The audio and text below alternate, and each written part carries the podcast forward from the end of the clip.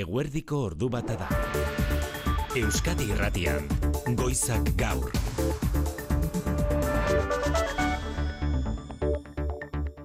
Arratsalde on deizuela guztioi Nafarroako gobernuaren arabera, 800 traktore atera dira Nafarroako errepidetara eta errepide ugaritan daude ordu honetan eragozpenak, Tafalla, Kaparroso edota Iruñeko hiru sarrera nagusietan goizean goizetik blokeatuta dituzte berreunen bat traktorek. N121 bat A errepideak Pirineotako autobidearekin bat egiten duen puntuan dago Eli eraso azken ordua Eli, arratsaldeon.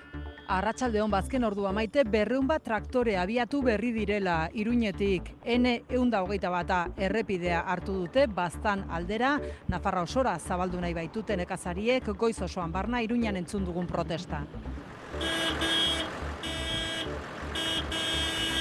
Aserre daudela esan digute gaur errepidera atera diren nekazari eta beltzainek eta Europan bezala hemen ere mobilizazioa ezinbestekoa dela iritzita antoratu direla WhatsApp bidez sindikatuetatik kanpo gorkaizko araranguren bailarako laborari gaztearen aldarria da. Sindikatuek lo egin dute. Ari ziren Europa guztian eta hemen ez da mugitu inor. Azkenean, ba, ja, aserre ginela, bantolatu dugu mogi dau. Ni argi daukat, hogeita sortzi urtekin ez dudala nahi, beste hogeita mer, beste berrogei urte, hola izatea. Maria Txibite foru gobernuko lendakariak erantzun die, bat datorrela hainbat aldarrikapenarekin, bidezko prezioak, diru laguntza oparoak eta burokrazia gutxiago, baina foru gobernuaren eskumena da fiskalitatea eta hori ezin duela malgutu. Hay dos concretamente que tienen que ver con las competencias propias del Gobierno de Navarra. Una era volver al sistema tributario de módulos, cuestión que no Nekazariek eskatutako modulo sistema ez da justoa txibiteren ustez, beste aldarrikapena, gaur isunak jartzen badizkieten nekazariei errepidera atera direlako, isun horiek kentzea eskatu diote gobernuari eta hori ere ezinezkoa dela erantzun die txibitelen dakaria. Hortaz azken ordua da, iruñetik badoala karabana orain Nafarroa iparraldera, gure mikrofonoak herriberan ere badaude, bere joko dugu albistegian, eta gazteizko jundiz poligonora ere eraman ditugu, kasu honetan uaga sindikatuaren deiari erantzun diote, araba osotik irureunda berrogei tamar traktore inguru jundizko poligonoan dira elkartzekoak, hain juistu abatean, irureunda berrogeita bosgarren kilometroan, jundiz eta lopidan artean bost kilometroko auto hiladak daude, unionetan burgosko noranzkoan.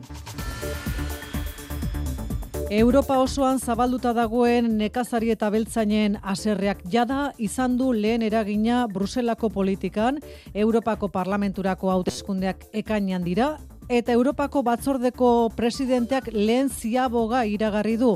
Jakinaraziz, atzera botako duela Bruselak pestiziden erabilera hamarkada honetan erdira jeisteko aurrez eginda zuen proposamena. But the SURE proposal has become a symbol of polarization.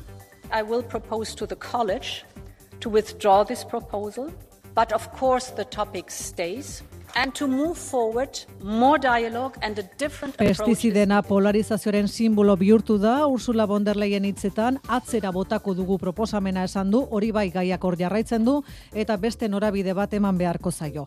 Eguneko beste lerroburuetan inigo alustiz arratsaldeon. Baita zuri ere maite. Kristau eskola eta ize alkartetako ikastetxeetan bart lortu duten aurre akordioari baiezkoa eman dioela sindikatuak goizeko batzarrean. Euneko berrogeita emezortziko ordezkaritzarekin gehiengoa duela gizarte ekimeneko ikastetxeetan eta ordezkariek ontzat jo dute 2008 bat 2008 lau eperako soldatak euneko amasei handitzea, lankarga karintzea edota lanpostuei eustea. Hori bai, etorkizuneko negoziazioe begira gogo eta egiteko beharra nabarmendu dute alde ekurren ezurren, elako miren zubizarreta eta kristau eskolako zuzendari Maria Eugenia Iparragirre Euskadi Erratiko Faktorian. behin eta berriro behartzen gaituzte, greba egun asko abian jartzera eta esan beharra dago eduki hauek mai gainean egon balira orain dela urtebete, ba segurazki akordioa egongo zen orain dela urtebete. uste dut hausnarketa batetarako ematen digula egoerak ere.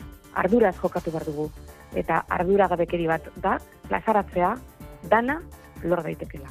Adegi Gipuzkoako enpresarien elkarteari triste iruditu zaioela sindikatuak lorpentzat jo izana, soldata igoerak greben bidez lortzea Jose Miguel Aiertza adegiko zuzendari nagusia Euskadirratiko faktoria. Tristea dela Euskadiko sindikatu nagusiaren e, lelo nagusia borroka izatea, ezta? Gure kultura akordioaren kultura da. Gipuzkoan grebarik egin gabe, bat ere grebarik egin gabe, e, hitzarmen guztiak e, sinatu ditugu. Espainiako ministroen kontseiloak bestalde onartu berri du lanbide arteko gutxieneko soldata euneko bost handitzea, mila eun da hogeita malau euror arte igotzea sindikatuekin adostutakoaren bidetik eta gauza bere egingo du langile publikoen iazko soldata euneko beste 0,5 bost igotzeko erabakiarekin. Errenteriako udalak eskaera formala egin berri du jaularitzari etxabizitzaren alorrean tentsio handiko gune izenda dezan udalerria lehenengoa izango litzateke Euskal Autonomia Erkidegoan. Aizpea Otegi alkateak uste du betetzen dituela errenteriak baldintzak izendapenak jasozkero besteak beste alokairuaren prezioa mugatu ahal izateko. Gehiago direla eh, herri honetan bizi nahi duten gazteak, eh, beste udalerri batzuetatik datozenak, gure herritik kanpora doazenak baino, bestetik zahartze bat ematen ari dela gure herritarrena, gure herrikideena eta gero bestetik aipatu nahiko nuke ere Donostiak eragiten duen presioa, ez da? Eta Tolosan, inauteriak asteko berrogeita zortzi ordu, ordu eskais falta diren honetan, karrozek protesta iragarri dute zaldunita eguerdirako. Karrozak nekatuta gaude udaletxearentzat garantzirik ez izateaz. Ez dugu pabelloirik datorren urterako. Ibilbidea osatzerakoan xantaia egin digute. Karrozen gunea txikitu dute eta ez gaituzte inauteriaren zati garrantzitsutzat hartzen. Igande eguerditik arratsaleko ordu biak bitarte geldialdia egingo dute karrozek eta entzun berri dugun grabazioa jarreko dute bozgorailuetatik urtetik urtera udalak gero eta oztopo handiagoak jartzen dizkiela salatzeko tolosako alkatearekin ere hitz egin dugu Euskadi Erratian albiste albistegi honetan gatazka honen inguruko xetasun guztiak. Jaione Munarriz Euskalmet arratsaldeon. Kaixo arratsaldeon. Nola datu zurren gordua Jaione? Ba, odeitza gutxitu ze joango da, eh? goiz partean eh, ba, be lainoa trinkoa izan den lekuetan ere altxatu eta gainerako zonaldetan erdimaiako deiak eta goio deiak ere saretu ze joango dira, beraz arratsalde partean giroa argiagoa izango da, ostarte batzuk irekiko dira eta temperatura maksimoak amalau edo amabos gradu ingurukoak izango dira. Eta biharko abitzetan? Ba, egoaizea nabarmendu ze joango da bihartik eh, aurrera, bihar gaualdean indartu egingo da, eta haize horrek temperaturaren gorakada ekarriko du kantauri xurialdean. Bihar amazazpie edo mezortzik gradura iritsiko dira termometroa kantauri xurialdean. Eskerrik asko jaione, bihar arte. Agur. Hemen dira ba, Jose Maria Paula Zarratzaldeon. Arratxalde maite. Errege kopako final aurrekoak. Eta Euskal Herriko futbolak ba biribildu egingo luke azken berrogei urteotako arori kopanoena berriz ere bi talde finalean sartuko balitu. Posible da hori. Gaur lehen final aurreko astera doa bederatzietan Mallorcan, Mallorca eta Reala prest ditu partiderako Imanolek Traore eta Kubo. Bihar Atletico Madrid Atletik buruzburuko berezkoen txapelketan lesioa eneko maizek belaunean izan duena, orain erresonantzi egintzain dago eta binagako txapelketan oraindik ez du erabaki eta ez du presarin nahi gainera partida jokatu edo ez erabakitzeko jokin altunak. Baina kirol aktualitatean berriz ere Espainiako futbolean izan den kertara larri batek harrapatuta daukagu. Raio Sevilla partidan izan da bat, zale gazte batek atz bat ipurtzuloan sartu dio Ocampos jokalariari alboko sake ateratzera zijoanean. Gaina ume bat ematen zuen, eh, Jose Maria, oso, oso gaztea. Ez dakit zemat urte izan Ume bat den edo ez ez dakit, baina emezortzi urte ez ditu. Ze hau da berriena, Futbol Liga Espainiarrak auzitara jodu adingaben fiskaltzara atzoko gerta horretik dela eta. Eta kultur lehioan, Iruñeko urfeoiak 2008 laurako prestatu duen programazioa aurkezteko ekitaldia baliatu du, kanturako zaletasuna berreskuratu egin behar dela aldarrikatzeko Manu Etxezortu. Bai, maite Iruñeko orfeoiak eta orokorrean abez batzek kantariak, kantari gazteak behar dituzte abez batzen tradizioari segida emateko eta egoera kritikoa da. Horretarako beharrezkoa da erakunde publikoek neurriak hartzea, esate baterako hezkuntza programetan musikaren eta kantuaren ikuspegi humanistikoa sartuz. Igorri jurra Iruñeko orfeoiko zuzendariak garbi ikusten du kanturako zaletasuna galtzen ari dela. Kuadrilletan nok abesten du. Eta oain ze e, aiton amonak abesten dio bere bilobari. Ez dago bat ere bermatua, erreleboa. Orduan behar dugu arrobia handitu. Eta ez bakarrik hori, musikarekiko eta artearekiko sensibilitatea sortu eta gustoa sortu. Aurtengo programazioari dagokionez, Iruñeko Orfeoiak Haidin kompositorearen lau urtaroak pieza eskeniko du maiatzean Nafarroako orkestarekin batera eta azken goeta bat maite, pandemia atzean aspaldi utzi genuen, baina Iruñeko Orfeoiak dio pandemiak ekarritako kantaldi murrizketatik ez direla erabat errekuperatu eta emanaldiak lotzea kostatzen ari zaiela. Ordu bata eta hamar minutu dira Aiora Urdangarin eta Xabi Iraola teknikan eta errealizazioan. Euskadi Irratian. Goizak gaur. Maite Artola. Iruñarekin egin dugu konexioa lehentxeago, jo dezagun orain tuterara, herriberan ere eundaka baitira, atera diren traktoreak, errepide nagusi eta bigarren mailakoak blokeatzera, esan dizuegu, basarretarrak euren artean WhatsApp bidez zabaldu dutela deia, sindikatuen parte hartzeri gabe. Prezio duinak eta Europatik ingurumenari lotuta datozen arauak lehuntzea dira besteak beste euren aldarrikapenak. Egoera unenetan herriberan, Lizarraldean zein da Aitor Perez Arratsaldeon.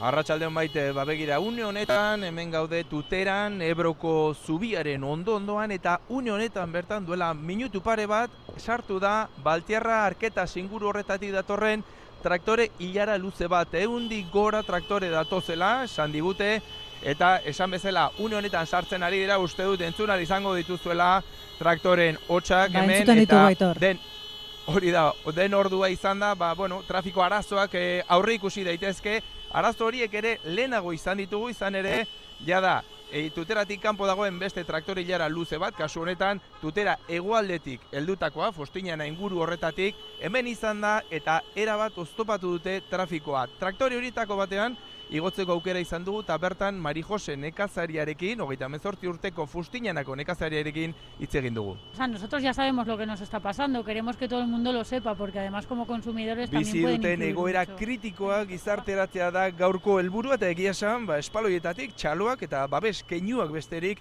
ez dituzte jaso babes beharrezkoa euren esanetan izan ere e, bai sindikatuetatik, bai politikoen aldetik ez duten nahi duten babesa jasotzen. Entzun. Es un poco la ira que tenemos, la rabia que tenemos de que la gente, pues, nos, a los políticos, los sindicatos... Ramon Mateo eh, eh, no- Cabanilleseko nekazaria kolektiboaren ba haserrea azaldu digu nolabait eta mobilizazioa ez da herriberara mugatu zenioten bezala Lizarraldean, Bianan, Allo, Lerinen eta beste herri batzuetan ere traktore hilarak, hilara luzek, ba, trafikoa mantxotu dute eta adibidez, beste adibide bat ikusi izan dugu, tafailan AP15ko irteeran erabat blokeatuta ikusi izan dugu ona tuterara bidean gentozienean eta erne maite izan ere gaurko mobilizazioak zenioten bezala WhatsApp bidez antolatutakoak guztiak arratsaldeko zortzirak arte mantendu nahi dituzte. Arabaren kasuan, UAGA sindikatua goizeko zazpietan gazteizen jundizerako bide hartzeko deia egin die baserritarrei Merkadonaren logistika puntuan elkartzeko oraindik iristen ari dira bertara Arabako puntu desberdinetatik Ainara Rubio jundiz arratsaldeon.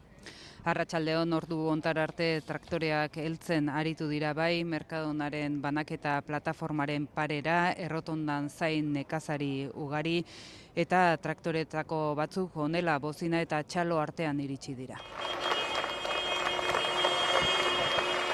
Eunka traktore daude, aparkatuta, irureunda berrogeita amarretik gora bai, lursail handi bat dago traktorez josita ordu honetan, eta hau ikusita, ba, mobilizazioaren arrakastaz mintzatu da Uagako presidente ordea Jon Moraza. Y ya veis lo que se ha montado, que la Nacional 1 viniendo de Agurain, viniendo de Armiñón, viniendo de la zona de Treviño, viniendo de la montaña. Arabako puntu guztietatik heldu dira, bidean momentu askotan trafikoan traba eraginez, e, une honetan esaterako bat nazionalean e, gazteiz parean Madrilgo norantzan 6 kilometroko autoiarak ere sortu dira, eta gazteiz hegoaldean ba, arazo handiak izan dira trafikoarekin eguerdi partean, sektorean gogoa bazegoela mobilizazioaren beharra zegoela aipatu dute hemen gaur askok, barrundiako nekazaria da inarasa ez deokariz. Ba, bai, koko, bai, kokoterraino, azkenean, pues, milaka trabak, e, milaka burokrazia, e, gero eta laguntza gutxiago, kentzen laguntza pilo bat, e, laguntza pilo bat.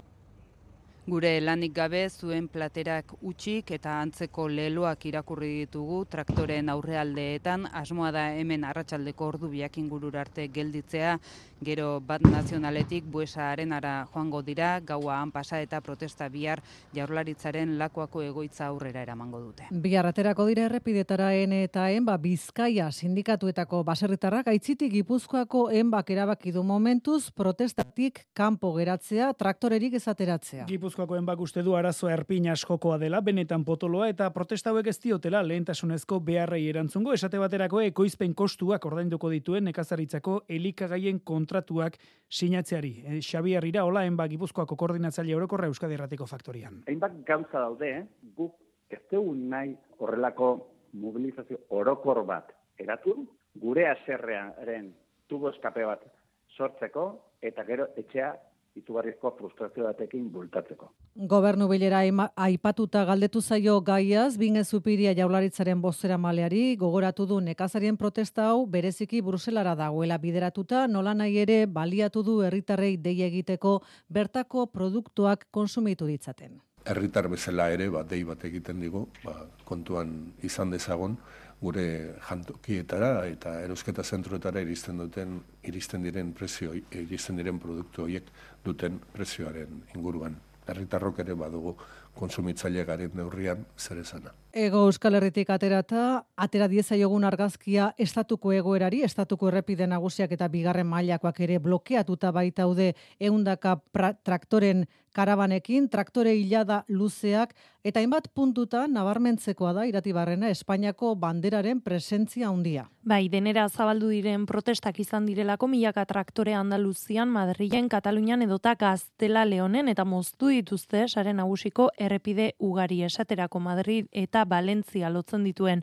A3 edo hegoaldera doan A4 hiru ordu darama errepide horiek daramatzate itxita eta traktoren atzetik autoiara luzeak soinu nagusia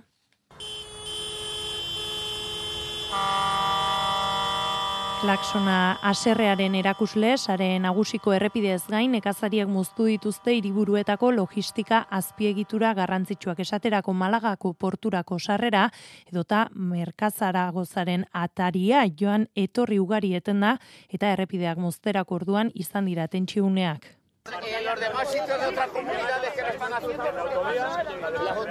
Protesta bideratzen ari zen guardia zibilarekin tentsiuneak esaterako merka Madrid atarian eta esanguratsua oso traktoren itxura agenda 2008 marbertan bera usteko aldarriaz gain Murtzia, Zaragoza edo Toledon traktore guztiek dituzte alderik alde Espainiako banderak. Ba, Europako Parlamenturako hauteskundeak ekainan izan da Bruselak jada lehen ziaboga egin du Ursula von der Leyen Europako batzor batzordeko presidenteak jakinarazi dio Europako Parlamentuari atzera botako dutela pestiziden erabilera hamarkada honetan erdira jeisteko aurrez egindako proposamena proposamen honek eztabaida sutsua eragiten duelakoan.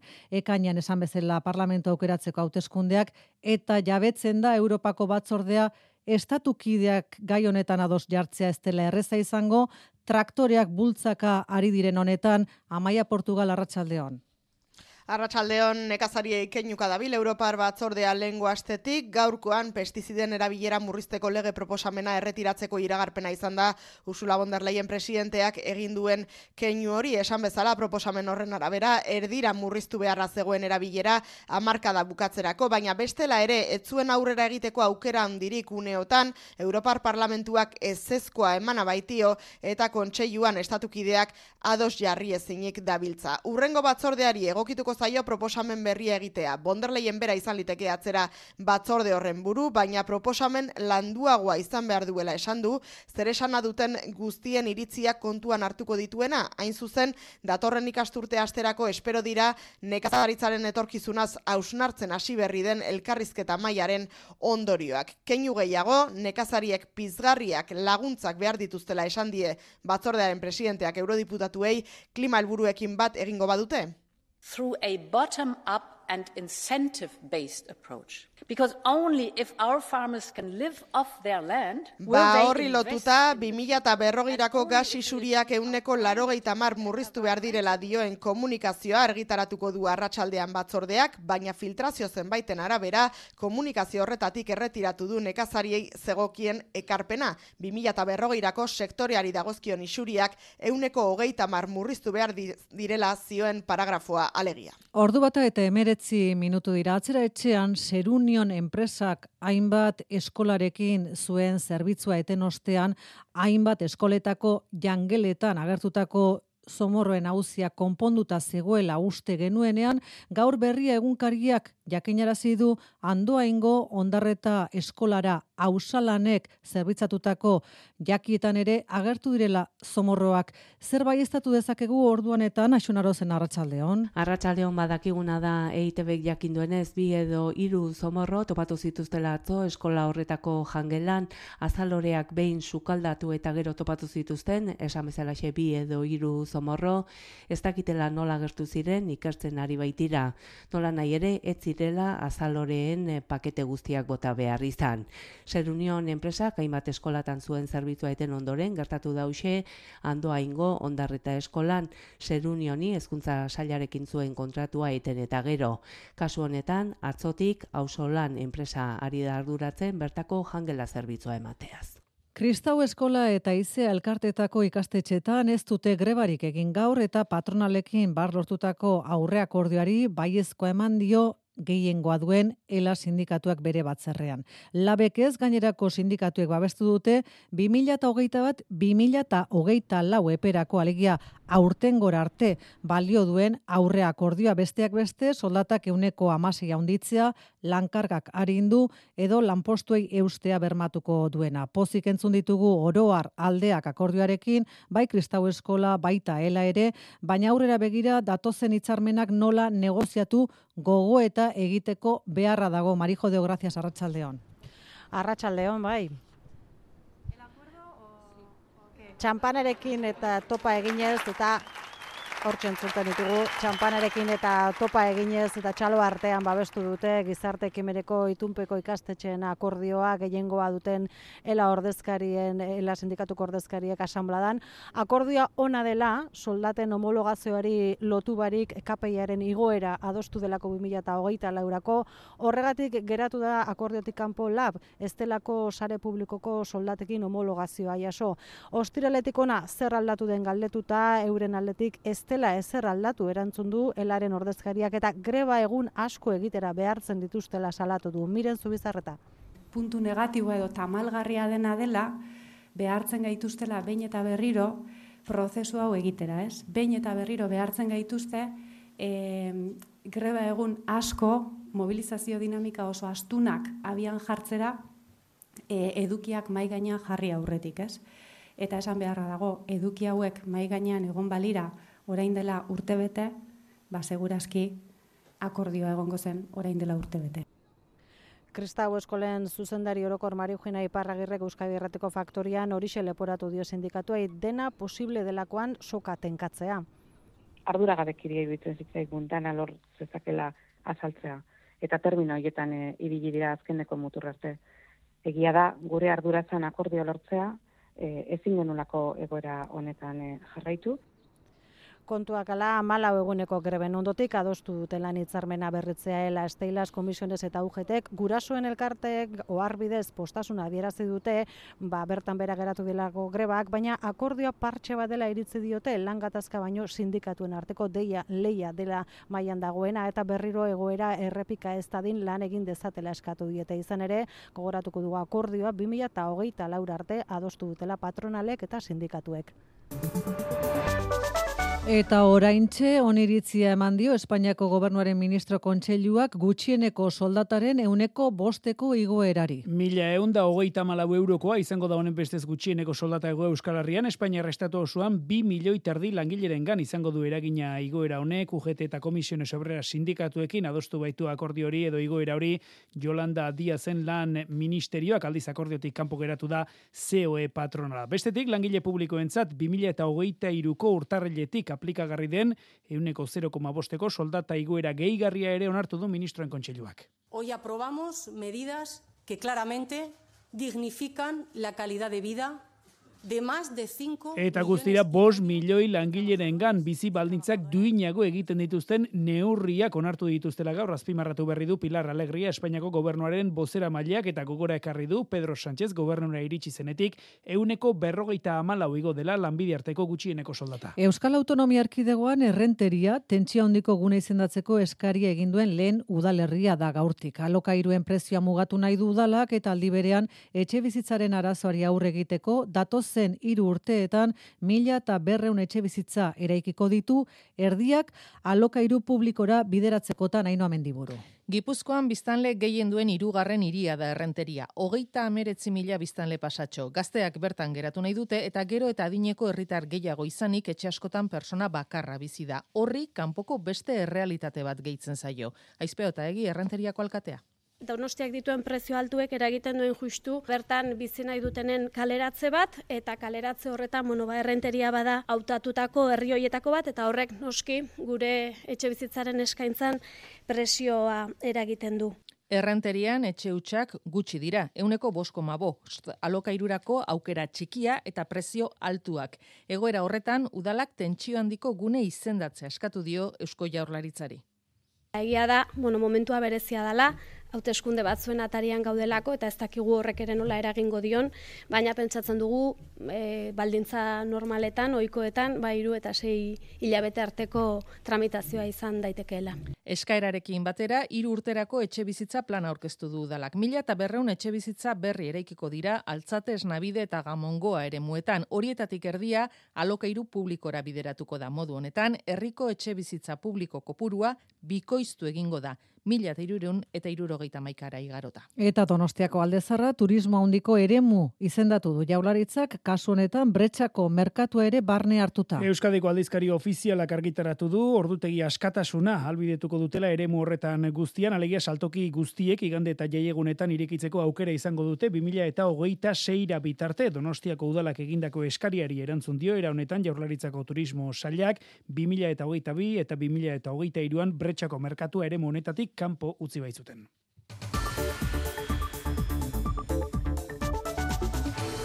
Gazako balizko suetena hitz egiteko elkartu dira Kairon Egiptoko Al-Sisi presidentea eta Anthony Blinken estatu batuetako estatu idazkaria baituak askatzeaz gain laguntza humanitarioa biderkatzea da haien helburua. Zailtasunak zailtasun, unrua agentziak kudeatzen du gaur egun laguntza, bada Israelen akusazioen ondoren nazio batuen menpeko erakunde honek martxorako izango ditu bere barne ikerketaren emaitzak landerra izagirre. Astebete barru hasiko da lanean unruaren aurkako akusazioak ikertuko dituen talde independentea agentziako amabikidek Israelen aurkako erasoetan parte hartu zuten ala ez argitu behar dute Estefan Dujarrich nazio batun erakundeko bosera malea. Ikerketaren lehen emaitzak martxoaren amaiera aldera izango dituzte eta apirilaren bukaerarako publiko egingo den azken txostena. Azken ordu hauetan, unruaren laguntza kamioi bat jo du Israelen misil batek zauriturik eragin gabe. Muturreko talde Israeldarrek konboien sarrera ostopatzen jarraitzen dute eta netan jajuren gobernuak ere esesko ematen dio gazara laguntza sartzeko eskari ofizialen bi erenari nazio batuen urtarrileko datuak dira. Eta bitartean gazatar batzuk Rafako hierrira joan dira bizitzera bombardaketetan ondakin artean harrapatuta ez geratzeko begi biztan dute esiaren beste aldean Egipto. Bertan elkartu dira gaur suetenari bultzada emanaian Al-Sisi presidentea eta Anthony Blinken estatu batuetako estatu idazkaria.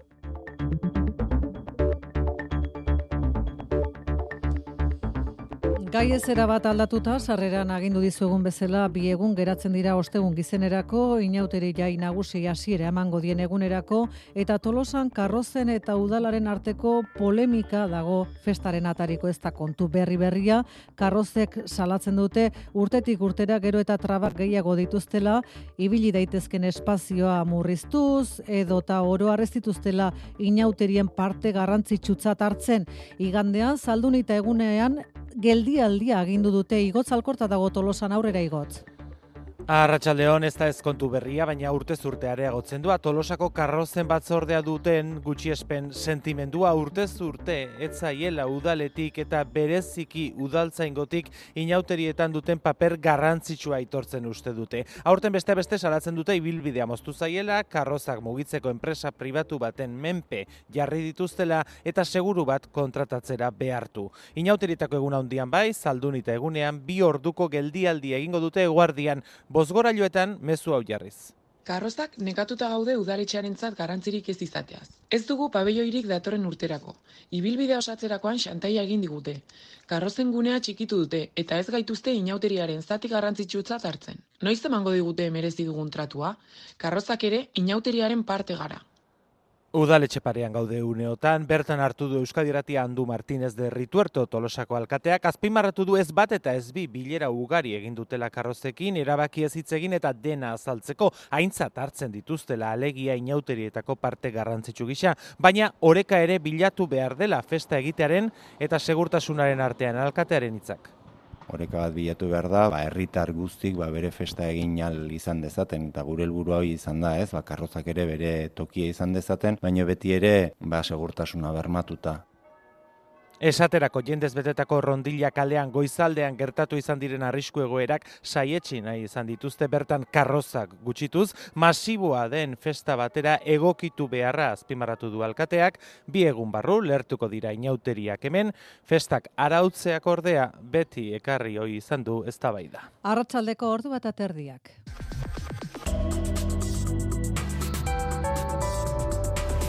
Euskadi Irratian eguraldia eta trafikoa. Nafarroan eta gaztiz inguruan traktoren karabanek sortu ditzaketen eragozpenetik arago aparteko gora berarik ez dela jakinarazi digute, segurtasun salian eta foru zaingoan, hausia urren gorduetarako eguraldiaren pronostikoa Euskal Meten eskutik. Belainoak desegin eta erdimaiako deiak eta goio deiak esaretuz joango dira datozen orduetan, beraz eh, giroa argiagoa izango da ratxalde partean, ostarteak irekiko dira, eta temperatura maksimoak amalau edo amabos gradu ingurukoak izango dira. Eta bi aste azkena, ego aizean abarmendu ze joango da, aizeleukoetan biziago biliko da, batez ere gaualdetik aurrera, eta aize horrekin temperatura maksimuak igo egingo dira kantauri aldean eta amazazpi edo emezortzi gradura iritsiko dira. Zerua berriz, odeitxu agertuko da, erdi maiako odeiekin eta goi odeiekin.